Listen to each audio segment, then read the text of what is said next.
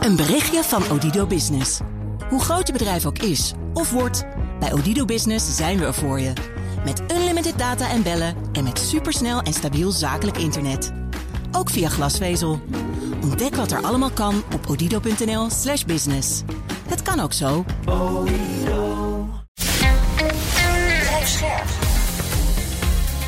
BNR Nieuwsradio. Boekenstein en de Wijk. Nina van den Dungen. Welkom bij Boekenstein en de Wijk. Het is donderdag, dag 568 van de oorlog in Oekraïne. Erop en Arend Jan, jullie willen vandaag eh, inzoomen op hoe het Westen de militaire kracht van Rusland eigenlijk consequent overschat. Decennia lang, toch Arend Jan? Ja, we doen dat, uh, we hebben het niet allemaal zelf bedacht, maar we hebben ons een beetje ingelezen. En er is een, een, professor van de University of Texas, een, professor of government, dus helemaal geen militair deskundige. Zoltan Barani, dat zal denk ik een, uh, een Hongaar zijn, maar die in Amerika dus uh, doseert. What the West still gets wrong about Russia's military. Het is een, een Foreign Affairs artikel van een paar dagen geleden. Nou, hij zegt dus eigenlijk, wij overschatten steeds dat Russische krijgsmacht. Hè? Uh, en daardoor zien wij dus bijvoorbeeld niet dat uh, ja, Moskou heeft gewoon een, een vreselijk tekort aan mensen. Hè? Uh, ze hebben een enorm tekort aan niet, aan, aan ze missen dus getrainde officieren. ze hebben een deel is militaire dienstplicht, die, die een lage moraal heeft. En dat zijn ook mensen die zijn arm. Ze zijn ook oud, hè, dus middle, middle aged. Hè? Mm. En ze zijn van het platteland. Dat is, en de moraal is daarvan laag. Nou, we hebben die hervormingen van 2008, die, hebben we overschat. We dachten dat dat heel succesvol was. Maar ja, in 2002 op de Krim is natuurlijk nauwelijks gevochten. Dus dat kon helemaal niet getest uh, worden. Hè?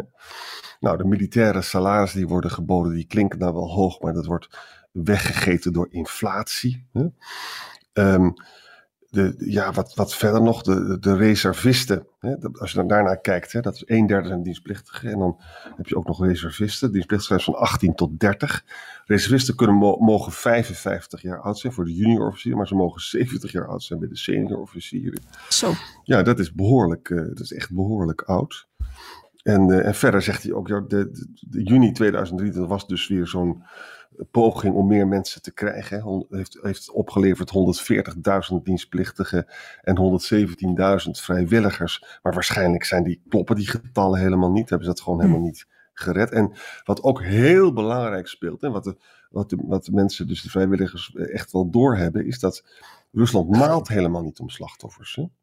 Rob zei ook een paar dagen geleden, ze halen zelfs de, de, de, de dode mensen niet meer weg van het, uh, van het oorlogstheater. Dus ja. deze man zegt dus, het zou wel eens zo kunnen zijn, dat we het, dat we het Russische krijgsmacht overschatten. Nou, wat kan je er tegen inbrengen? En wat je er tegen in kan brengen is een punt wat Rob ook laatst zei, van ja, het is allemaal waar. Maar het is ook zo, als je in een loopgraaf zit en er komt iemand op je af, dat je een verdomd goede reden hebt om te knallen en te proberen te overleven. Dus het is nog maar de vraag of dit uiteindelijk ertoe leidt dat Oekraïne echt gaat winnen. Dat weten we gewoon niet. Ja, daar ben ik het, dat, is een, dat, ik, dat is een goede opmerking, Jan. Daar ben, ik het, daar, daar ben ik het mee eens. Maar er is inderdaad altijd een overschatting geweest van, van Rusland. Ik kan me dat zelf nog goed herinneren tijdens de nadagen van de Koude Oorlog. toen ik begon met dit vak. Dat is natuurlijk een hele tijd geleden, maar het is niet anders. Kijk, één probleem is natuurlijk onvoldoende informatie. Je weet niet precies wat daar gebeurt. Maar de Russen weten dat ook niet precies van ons. Hoewel zij meer weten van ons dan wij van hun. En dat komt gewoon omdat wij een uh, democratie zijn met een, uh, een open mm. informatiesysteem. Dat is, blijft hier tamelijk weinig geheim. Er is natuurlijk, omdat je niet alles weet, ga je focus op, op kwantitatieve zaken. Tijdens uh, de, de Koude Oorlog heette dat de bean count. Dus je, je, je telt het aantal tanks, het aantal artilleriestukken, het aantal raketten. En zei je, oh mijn rot, wat zijn ze sterk. Ehm, en die kwaliteit was moeilijk in te schatten. Eh, ik zei net van, ik ben begonnen aan het eind van die Koude Oorlog met dit vak. Toen ging ik ook vaak naar de Sovjet-Unie toe.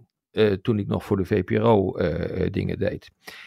Wat mij daar opviel, is dat het een land was dat totaal niet functioneerde. Ze waren niet eens in staat om een fatsoenlijke auto te maken. De winkels die lagen vol met, met vieze halfconserven.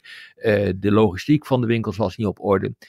Een krijgsmacht is altijd een afspiegeling van de maatschappij. Dat was toen zo En dat is nu nog steeds zo. Dus die krijgsmacht is wel verbeterd, maar de Russische maatschappij functioneert nog steeds niet fantastisch. En ook industrieel is er een hoop, zijn er een hoop problemen. Dus ehm, persoonlijk heb ik altijd uh, gevonden je, ja, dat dit klopt. Uh, dat de Russische krijgsmacht is uh, overschat. En tegelijkertijd is dan de volgende vraag. Maar zo so wat? Wat moet je er nou eigenlijk mee met die vraag? dus je overschat hem, je weet het niet precies. En wat hier in dit stuk uh, gewoon niet aan de orde komt, is dat Rusland gewoon het grootste kernwapenarsenaal ja. ter wereld heeft.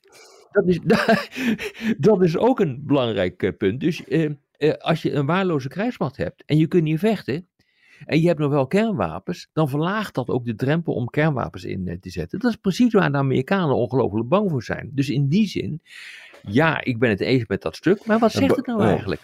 Op dit punt gewoon niks. En als planner kun je nooit uitgaan van dingen die je niet weet. Dus je moet ja, je concentreren dan op de dingen die je wel weet. En dat zijn bijvoorbeeld ja. aantallen. En weet je, dit stuk, uh, het, is, het is interessant hoor.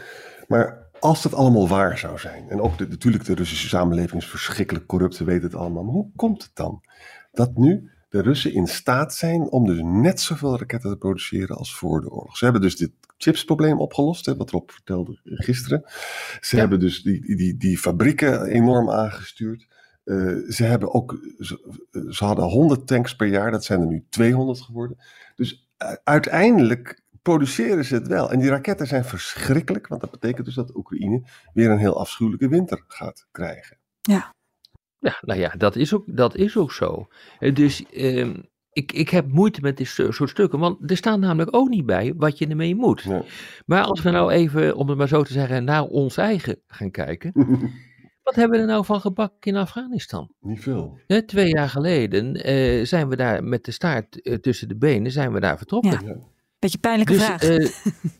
Dat, is een, dat is inderdaad een pijnlijke constatering. Als je dus vervolgens constateert dat die westerse krijgsmacht niet zo, of die, uh, die Russische krijgsmacht niet zo geweldig uh, uh, voldoet. Nee. Wat hebben we ervan gebakken in, in Libië met onze, met onze luchtbombardementen? Niet zo gek veel. Dat is een grote puinhoop. Maar wil je daarmee zeggen, Rob, dat eigenlijk onze krijgsmacht toch ook niet zo heel erg goed is, als we misschien pretenderen? Nee, nee. Nee, zeker niet die van Europa. Nee. Die van Amerika, dat uh, gaat nog wel. Maar Europa, uh, na decennia lang uh, bezuinigen, ja, weet je, nu is men in paniek geraakt. En nu wordt er gedacht van, hoe kunnen we onze industriële capaciteit opkrikken?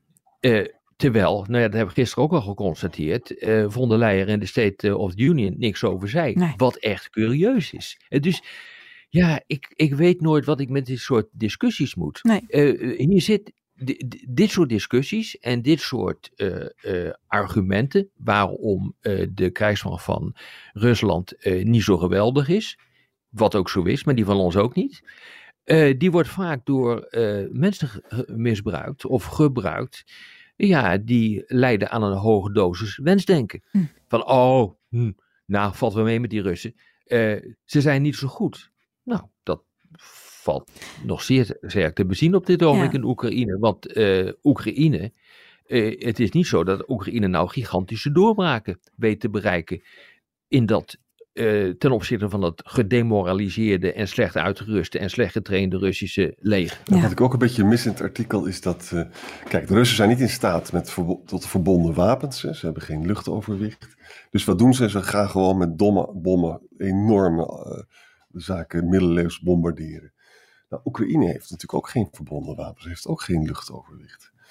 Uh, met andere woorden, ja, misschien dat je met zo'n gedemoraliseerd leger toch heel aardig zo'n middeleeuwse strijd kan doen. Zo'n uitputtingsoorlog. Wat het is volgens de Russische doctrine. Ja. De doctrine gaat uit van attritie, gewoon massaliteit in uh, uh, aanvallen met, uh, met artillerie, lange afstandsartillerie. Dus dat zijn de meervoudige raket, raketwerpers, ga zo maar door. Maar de, de, realiseer je dat in wezen de Oekraïense uh, doctrine ongeveer hetzelfde is. De manmoedig hebben de West, westerse krijgsmachten uh, geprobeerd om, uh, en met name de Britten en de Amerikanen, die hebben geprobeerd om dat te veranderen. Maar echt gelukt is dat niet. Nee. Wat weten we eigenlijk over het aantal Russische militairen dat gedood is in de strijd? Want er is wel eens, helemaal ja. aan het begin, zijn er wel eens cijfers verstrekt ja. van 5.000, 6.000. En sindsdien ja. bleef het stil, toch? Ja, waarschijnlijk is het 100.000 doden en gewonden. Maar dat, dat, dat, dat weten we ook niet echt zeker. Aan de Russische zijde dus alleen? Aan Russische zijde. Maar uh, dus de grote vraag is dan ook het geval aan de Oekraïnse zijde. Dat zit er wel dicht tegenaan, vermoedelijk. Hm. Uh, waarschijnlijk is daar het aantal uh, doden iets minder en het aantal gewonden iets meer. Maar het zit er wel dicht tegenaan. Ja. Dat is tenminste wat ik, de laatste cijfers die ik heb gezien. Maar ik hou me echt uh, voor beter hoor. Ja.